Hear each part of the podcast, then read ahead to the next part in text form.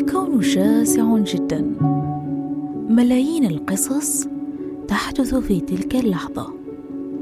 قصص تخلق لنا ابعادا وأسئلة لا متناهية. أنا زينب مرضي. إنسانة تبحث عن العمق في مشاهد عابرة. وهذا بودكاست محيط. مشاهد متعددة. للحظات سعيدة وحزينة قضيتها لوحدي في أماكن عامة مختلفة. كلما قررت الانفراد بنفسي أو محاولة اكتشاف العالم أو محاولة سماع صوتي الداخلي بدون شخص آخر يجلس في الكرسي المقابل كلما حاولت فعل ذلك الشيء يذكرني أحدهم بمدى بشاعة قضاء هذا الوقت لوحدي. يسألني موظف الاستقبال في المطعم. Table for two يسألني الجرسون بعد أن أجلس على الطاولة. Are you alone؟ أو Are you waiting for someone؟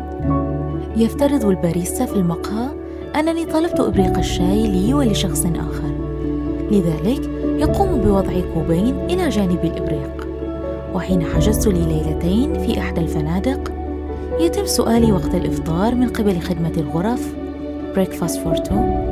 وفي مرات عديدة. لقبت بالنفسية لأنني قررت الذهاب للبحر لوحدي. هوجمت وقيل لي بأني أعاني من داء تمجيد العزلة وهو ما يتنافى مع الطبيعة البشرية للإنسان الذي يستأنس بوجود الآخرين قربه. كل تلك المشاهد والمواقف التي ما زالت تتكرر باستمرار حين أخرج لأي مشوار ممتع أو عادي لوحدي جعلتني أسأل نفسي ما هي الوحدة؟ هل هي المسافة التي تتسع بينك وبين الآخرين؟ هل هي الفترة التي تحتاجها لترى نفسك بعينيك؟ هل هي صراع بين الانفصال عن الآخرين والاتصال مع الذات؟ هل هي العزلة أم أنها الألم الحتمي؟ يقول أرسطو بأن الإنسان لا يتمتع ببشريته إلا بكونه إنسان ولديه أصدقاء. هل الرغبة في الوحدة تستنقص من كونك إنسانا؟ بوسعي أن أعرف الوحدة بكل تفاصيلها وأنواعها. قضيت فترة لا بأس بها من حياتي وأنا أشعر بهذا الشعور على نحو سلبي.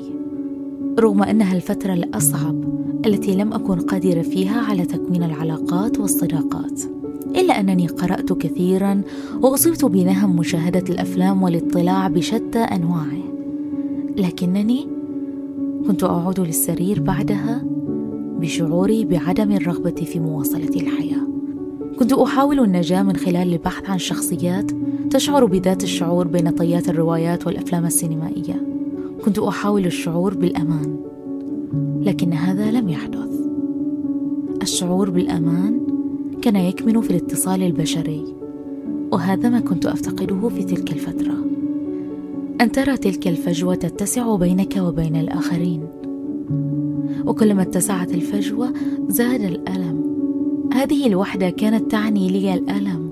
أظن أحيانا بأنها ليست قرار شخصي إنما هي شعور يحدث لأسباب وظروف قد تطرأ. يراها البعض كشعور حتمي. يقول الروائي ميلان كونديرا بأن الكائن الإنساني ليس إلا شعورا بالوحدة. وحيد يحيط به وحيدون. يقول صديقي لي حين أتألم خلينا نكون وحيدين مع بعض. ويقدم المجتمع حلولا للوحدة حيث يقال لأي شخص يحاول التفكير في ذاته مع ذاته عليك ألا تكون وحيد كي لا تسمح لتلك الأفكار السوداء بالاستحواذ على عقلك. ويقال للرجل الأعزب والمرأة العزباء تزوجوا كي لا تشعروا بالوحدة. ويقال للمتزوجين انجبوا أطفالا كي تملأوا البيت الفارغ. وكأن تلك العلاقات حلا لشعور حتمي يولد مع الإنسان. وسط كل تلك التناقضات المعقدة بين ما يراه المجتمع وبين تجاربي الشخصية ومعتقداتي في الحياة وسط مشاهد مكررة ومواقف اعتدت التعرض لها وتعايشت مع حدوثها ما زلت أسأل نفسي ما هي الوحدة؟ هل الوحدة توازي العزلة؟ قررت مؤخرا أن أعيد النظر تجاه نفسي أن أرى انعكاس ذاتي بشكل واضح وجلي. قررت الانفراد تقليل لقاءاتي وتقليل استخدام هاتفي الذكي. قررت أن أفكر في كل تلك الأمور المفصلية في حياتي لوحدي في حين أنني كنت سابقا أسمع الآخرين كثيرا. أسمع آراء متعاكسة. وجهات نظر العائلة الرفاق المجتمع العالم بأسره. أطفأت صوت العالم. وأعدت تشغيل صوتي الداخلي. كنت لوحدي. بكيت كثيرا. ليس لأنني لوحدي بل لأنني أزحت الآخرين عن وجهي. فرأيت نفسي وأنا مجردة من سواها. لأن العالم في الخارج كان صامتا فاستمعت بوضوح للأصوات في رأسي. وخضت تلك الصراعات التي دفعتني لاتخاذ قراراتي الشخصية وأنا على أتم استعداد وقدرة على اتخاذها بصورة منطقية عقلانية وشخصية.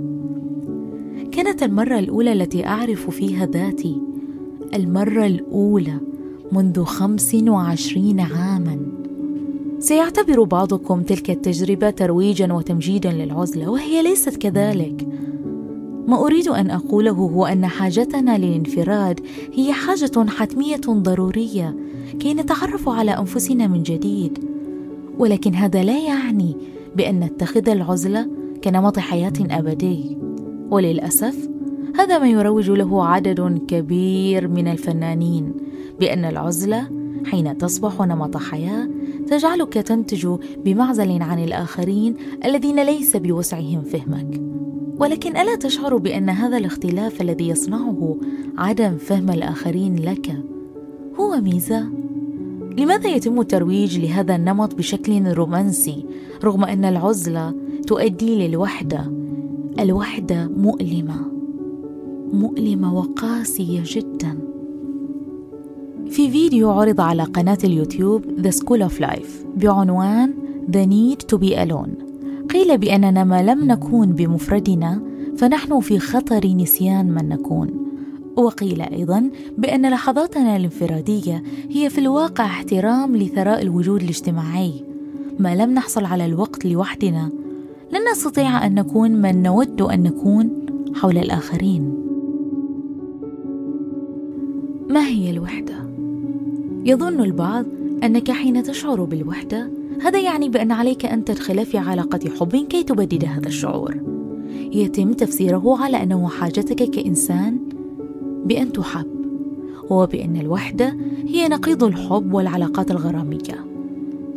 وأنك حين تدخل في علاقة ستتماهى مع كيان شريكك في الحياة. للحد الذي يجعلك تشعر بأن الوحدة مستحيلة. وبأنك غير قابل للانفصال عن ذات الشخص الآخر. هنا يكمن الخطر. أن تتنازل عن كيانك الخاص مقابل تلاشي شعور سيء. بوسع الحب أن يخلصك من شعور الوحدة عندما يحدث بشكل طبيعي وليس عندما تذهب إليه بنية التخلص من شعورك بالوحدة. الحب أكبر من ذلك والعلاقات العقلانية أكبر من رغبتك المؤقتة بالهروب من شيء يجب حله. بوسع الحب أن يخلصك من شعور الوحدة حين تشعر بأنك أنت أنت مع الطرف الآخر. لأنك أحيانا ربما تشعر بالوحدة وأنت مع الشخص الآخر. وأنت في علاقة حب أو زواج أو صداقة. الأمر كل الأمر في أن يكون الشخص الآخر هو الشخص الصحيح.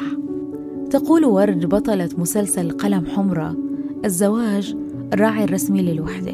بالأخير بتوصل لإحساس إنه راح تكون أقل وحدة بكتير في حال كنت لحالك. كن دقيقا في اختيار الأشخاص من حولك.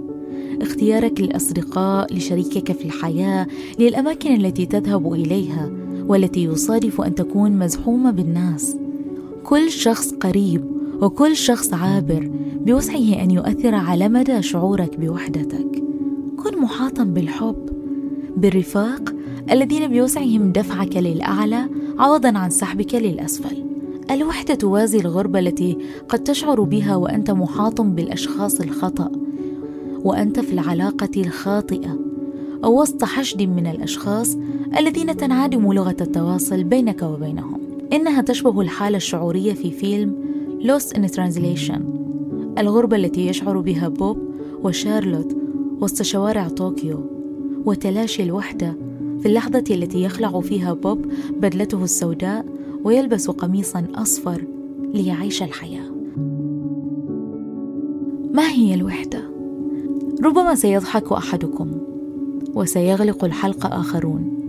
وسيعتبر البعض أنه كليشيه حين أربط موضوع الوحدة بالتكنولوجيا الحديثة. ولكن أود أن تغمض عينيك وتسترجع كل اللحظات التي قضيتها مع رفاقك في الآونة الأخيرة. هل بوسعك تذكر اللحظة تماما؟ أم أنه فقط بوسعك تذكر التفاعلات على الصورة التي قمت بنشرها في الإنستغرام؟ حاول أن تسترجع شعورك مع الرفاق وأنت معهم. لا شعور. صرنا نثبت للعالم أننا غير وحيدين عبر نشرنا صورنا مع الرفاق.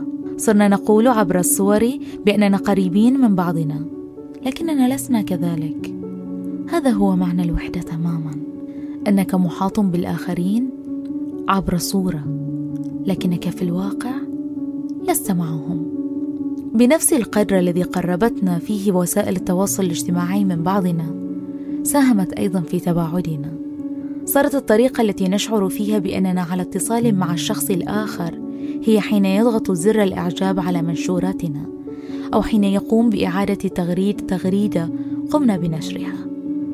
صرنا نفتقد الحوار العميق بين بعضنا الحوار الذي بوسعه أن يبدد الوحدة الهائلة التي يعاني منها الكون اليوم.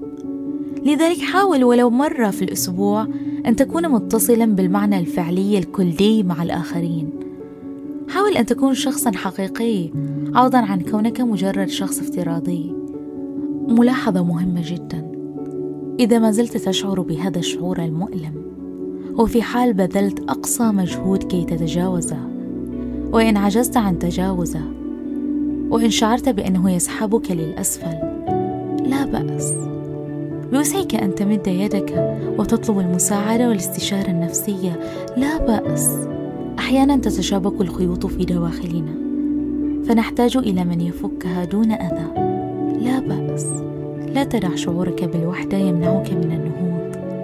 حاول التخلص منه وفي حال عجزت عن ذلك قم بالتحدث مع أي شخص قريب. اطلب المساعدة. لا بأس. خلق الألم ليغير فينا ليجعلنا نتعرف على ذاتنا من جديد. خلق الألم ليمضي. لذلك لا بأس. الوحدة أعمق من طاولة لشخصين يجلس عليها شخص واحد. إذا كنت ما زلت تستمع لي فكر الآن في الأشخاص الذين جعلوك تتجاوز شعور الوحدة المؤلم أو الأشخاص الذين مسحوا هذا الشعور من قائمتك الخاصة. ثم اوجد طريقة ما لتقل لهم. شكرا. شاركوني آراءكم ومقترحاتكم عبر حساب الإنستغرام محيط دوت بودكاست. كنت معكم أنا زينب مرضي من بودكاست محيط. إلى اللقاء.